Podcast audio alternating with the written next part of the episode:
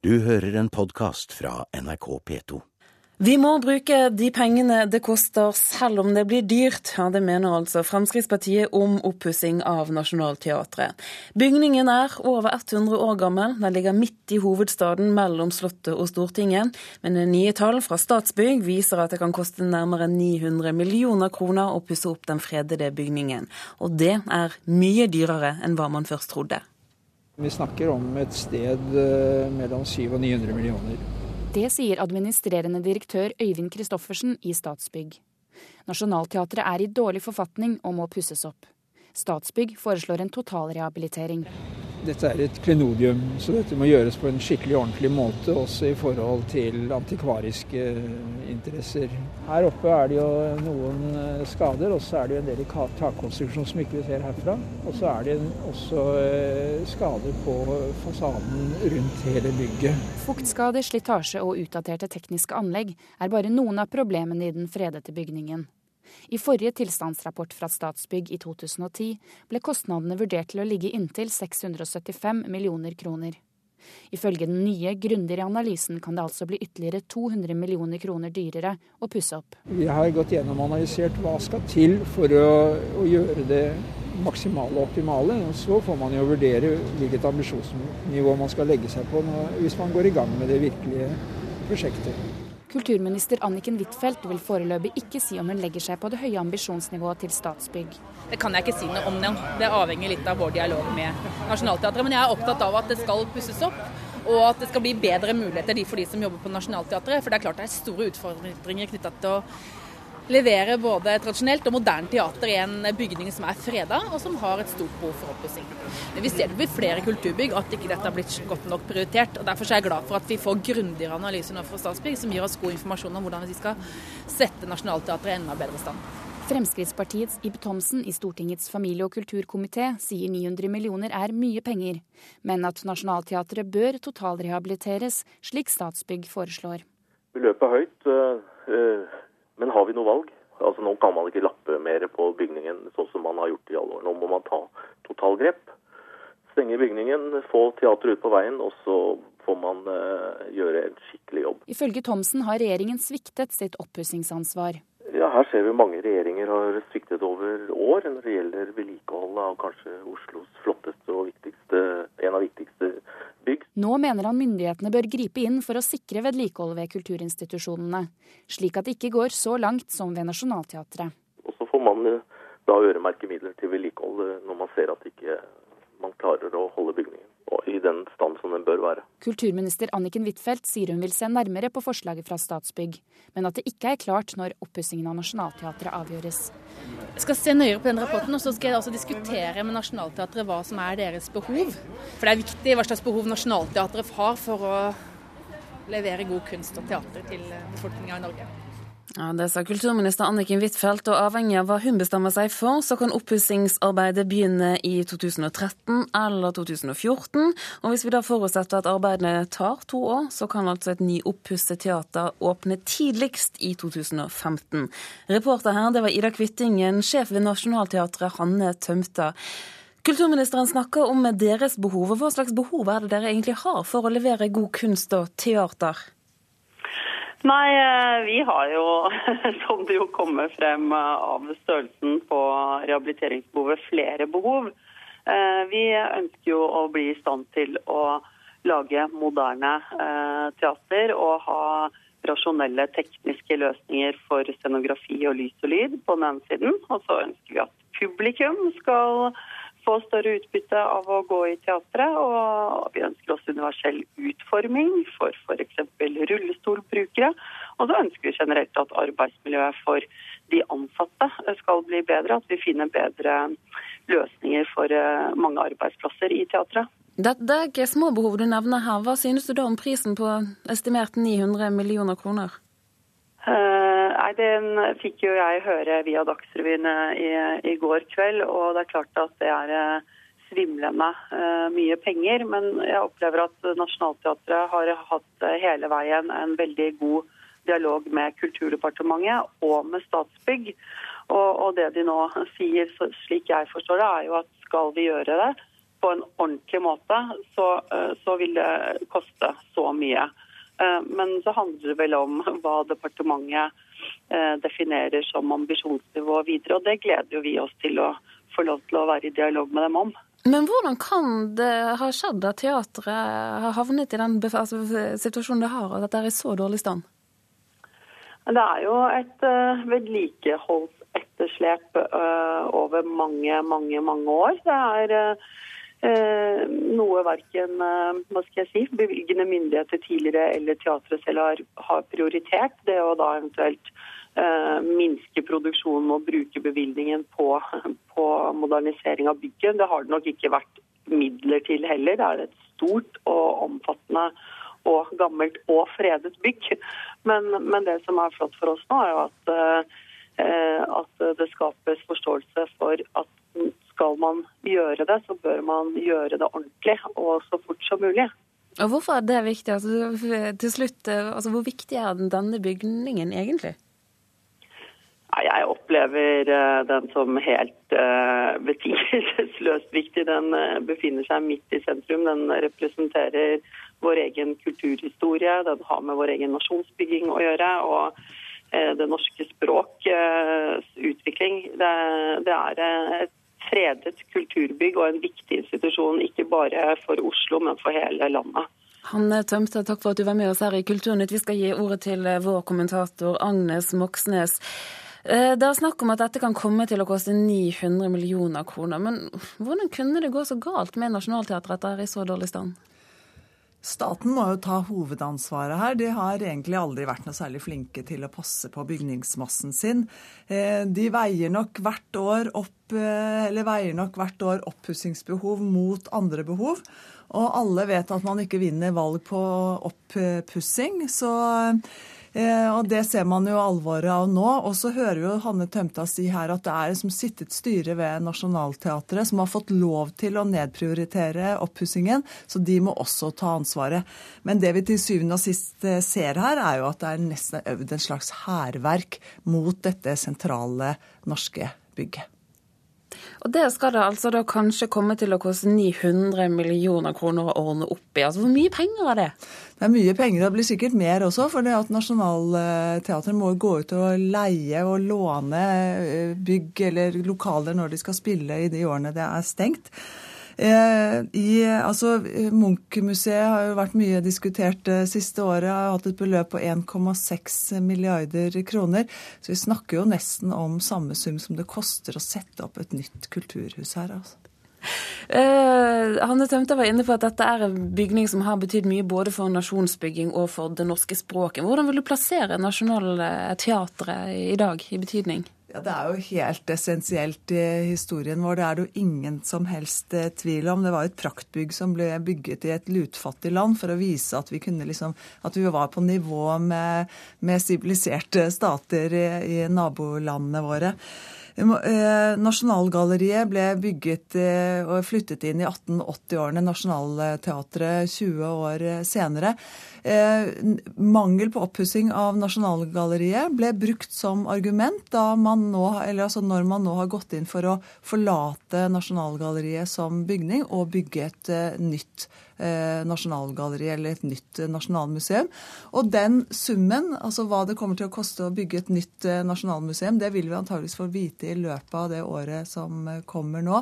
Så det er store summer som i årene fremover som skal gå til, til kulturbygg i hovedstaden. Det er Statsbygg som har kommet med dette overslaget. Hva kan vi tenke oss at de kan være en aktuell drifter av bygningen i fremtiden? Ja, Det ligger liksom i kortene at Nationaltheatret skal drives på samme måten som Operaen, etter samme modell. At det er Statsbygg som skal ta seg av bygningene. Eh, og så skal eh, Nationaltheatret betale husleie gjennom de overføringene de får fra staten hvert år. Og det er klart at Statsbygg er veldig interessert i at det bygget de skal ta over om noen år, er perfekt oppusset, sånn at ikke de får øyeblikkelig store utgifter til bygget. Kulturkommentator her i NRK, Agnes Moxnes, eh, takk skal du ha. Fullstendig bortkastet tid, det mener Unge Venstre om at Språkrådet fornorsker engelske uttrykk som fungerer. For tiden så er Språkrådet bl.a. opptatt av om hashtag eller firkantemne er det beste uttrykket. Nye teknologitjenester som Twitter og Facebook gir språkdirektøren stadig nye utfordringer. Ja, her har vi noen engelske ord da, som, som får ulike datatekniske ting. Teknologien er i stadig utvikling.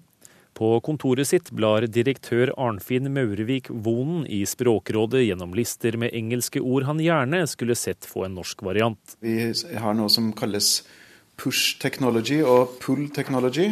I tillegg gir det sosiale nettstedet Twitter direktøren utfordringer.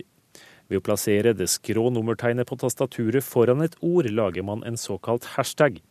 Dette er et nøkkelord som oppsummerer innholdet i meldingen, og som også er søkbart. Denne her firkanten, eller eh, skigarden, eller hva den kalles for, da, dette tegnet som innleder en hashtag, det har i seg selv mange mulige norske navn. Man kunne jo tenke seg eh, sånne ting som oppslagsord, eller søkeord, eller firkantord, eller firkantemne, eller det det, det, det, er mye, mye, fantasien kan eh, åpne for. Men Å drive og finne på nye norske ord for engelske ord som fungerer fint på norsk, det syns jeg er bortkasta tid. Det sier Sveinung Rotevatn, profilert Twitter-bruker og leder av Unge Venstre. Det finnes engelske ord som trenger norske erstatninger, men jeg tror ikke at eh, hashtag er det fremste eksempelet på det, bare fordi det er et ord som er mye brukt akkurat nå. Mange voksne tenker, tenker at ungdommen bruker engelske ord for de syns det er kult. Jeg tror ungdommen bruker ord som de syns er naturlig å bruke, eh, og som lar seg fint eh, kombinere med den dialekten de måtte ha. Vi nordmenn er flinke å bruke engelsk, og vi, eh, vi, det har begynt å gli over i hverandre mye uansett. Jeg tror ikke nødvendigvis det er så veldig negativt. Når NRK spør et knippe ungdommer i Oslo sentrum hva de synes om Språkrådets mulige hashtag-alternativer, er de fleste enige med Unge Venstre-lederen. Jeg vet ikke om det er om det er vits å bruke tid på det, bortkasta tid, for vi kommer til å bruke hashtag uansett. Nei, det hørtes helt dust ut blir som at man skulle sagt fjesbok istedenfor Facebook. Man er for vant til eh, amerikanske ord. På dagen 40 år etter at Norsk språkråd ble stiftet, er arbeidet deres likevel ikke forgjeves. Enkelte synes også Språkrådets forslag har noe for seg. Ja, Firkantemne, kanskje. Eller ja, fir firkantord. Ja, firkantord. ord, ja. firkantord. Ja, firkantord. Hvis det skulle vært et norsk ord for det. Ja, det er jo viktig det å ta vare på det norske språket, da, og ikke ja, helst bruke det norske språket, syns jeg i hvert fall er viktigst.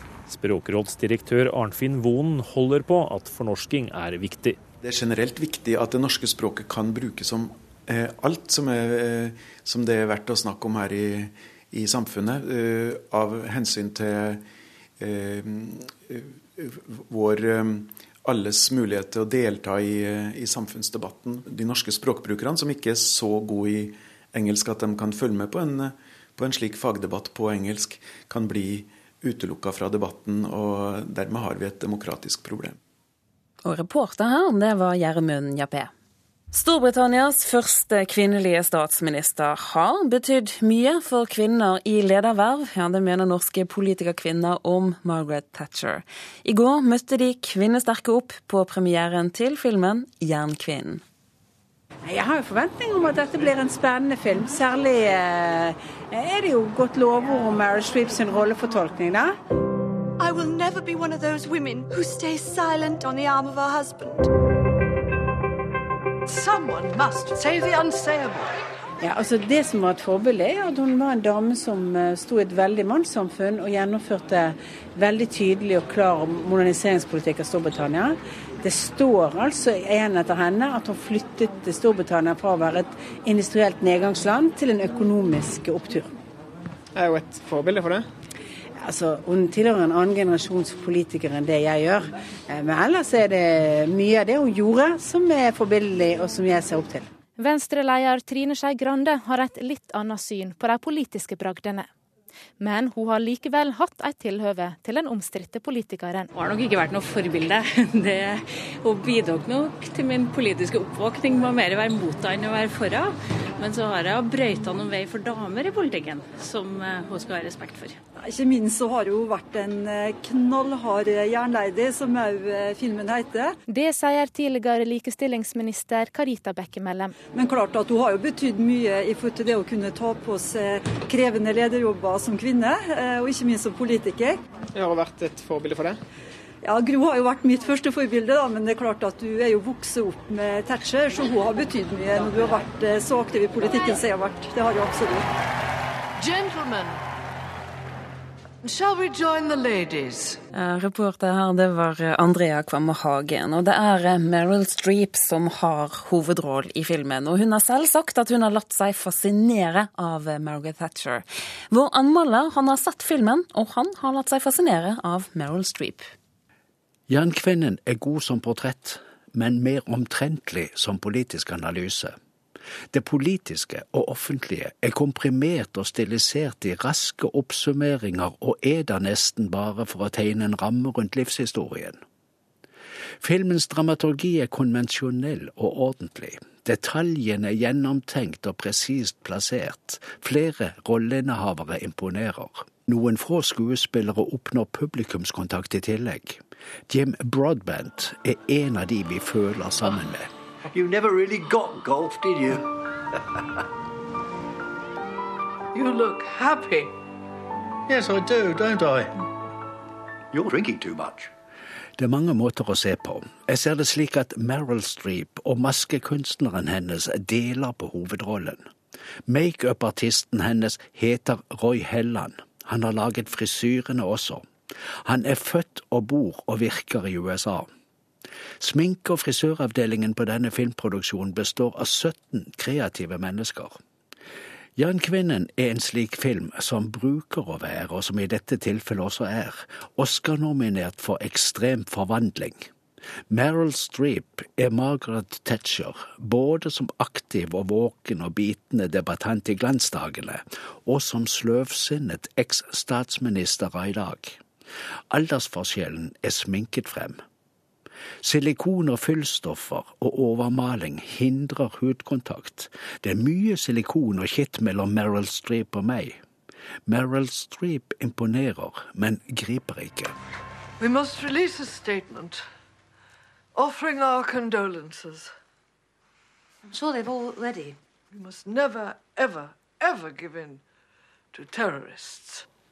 Min favoritt i det enorme skuespillerensemblet er hun som spiller Margaret Thatcher som ung. Fra skolepike med fritidsjobb i fars butikk til hun blir gift med sin kjæreste og støttespiller gjennom lang tid, Dennis. Hun er walisisk og heter Alexandra Roach. Hun har utstråling. Hun gir oss et begripelig grunnlag for Margaret Thatchers ambisjoner og karriere. So what I do think is that a man should be encouraged to stand on his own two feet. Yes, we help people. Of course we help people. But for those that can do,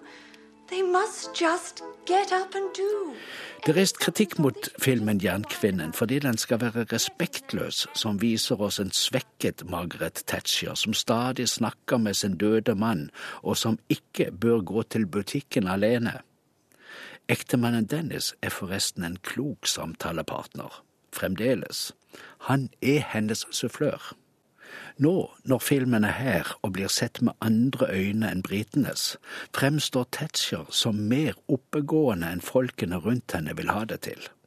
En del av de godt funderte og velformulerte ytringene hennes kommer fra den gamle damen, ikke bare fra den yngre statsministeren.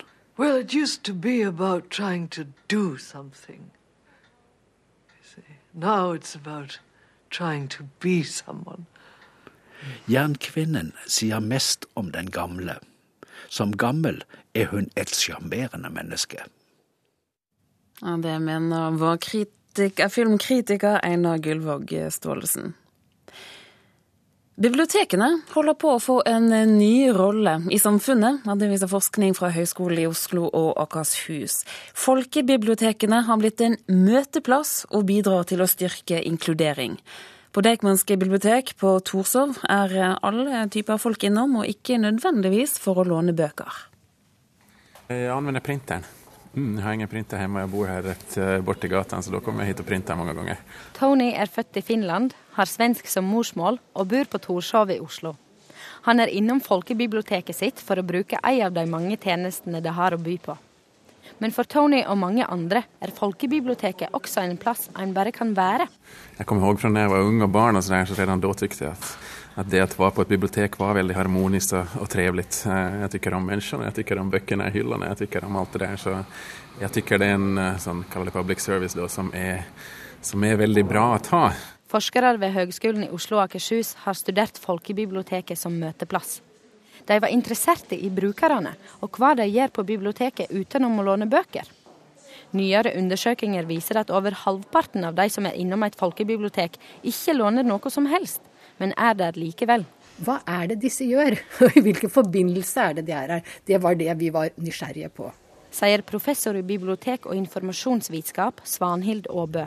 Og det som slår oss er mangfoldet. Mangfoldet av bibliotekbrukere, og mangfoldet av hvordan hver enkelt bruker biblioteket. Studie og arbeidsplass, PC-stove, en plass å lese aviser, er dømme på noen av funksjonene folkebiblioteket har for folk fra alle samfunnslag. Forskerne mener bibliotekene bidrar til sosial inkludering, og kan fange opp folk som er i ferd med å falle utenfor. Det typiske biblioteket er at alle som er der, de er der som bibliotekbrukere. Du er ikke der som arkitekt eller som lege eller som arbeidsløs eller som asylsøker. Du er der som bibliotekbruker. Severin fra Togo er på biblioteket og leser ei bok. Han vil bli bedre i norsk samtidig som han er ute blant folk. Ja, ja, når jeg kommer her, jeg ser eh, oftest eh, flere mennesker eh, fra, fra eh, forskjellige, forskjellige eh, land. Ja, det er bra for inkludering. På et annet bord sitter norske Hans Petter og leser i et blad. For han er turen like viktig som målet. Ja, jeg er vel et par-tre ganger i uken, tror jeg. Eh, kanskje en time. Kanskje mer. Ja. Så gjør det samtidig som jeg går med en tur ut i, ut i frisk luft. Biblioteket er en plass der folk som kanskje ikke møtes til vanlig, har et felles areal. Jeg ser ganske mange innvandrere på bibliotekene våre. Det syns jeg er veldig flott. Forskjellene mellom de som låner på biblioteket og de som bare bruker det, er store, ifølge forskninga til Åbø. Blant lånerne er flere kvinner, flere med høyere utdanning og flere med etnisk norsk bakgrunn. Av de som bare besøker biblioteket, er flere menn, flere med lavere utdanning og flere med annen etnisk bakgrunn enn norsk det er det som gjør oss til et samfunn. At vi møter ulike mennesker. Og der er biblioteket en naturlig møteplass. En av de mest varierte ikke-kommersielle møteplassene som fins. Reporteren var Agnes Bremere. Nobels fredssenter er kåret til årets sponsorobjekt. Fredssenteret fikk prisen i går av Event- og sponsorforeningen for sin langsiktighet og grundighet i samarbeid med næringslivet. I fjor hadde Fredssenteret et budsjett på ca. 50 millioner kroner. 12 millioner kom fra sponsormidler, noe som er en høy andel sammenlignet med andre institusjoner i kulturlivet. Du har hørt en podkast fra NRK P2.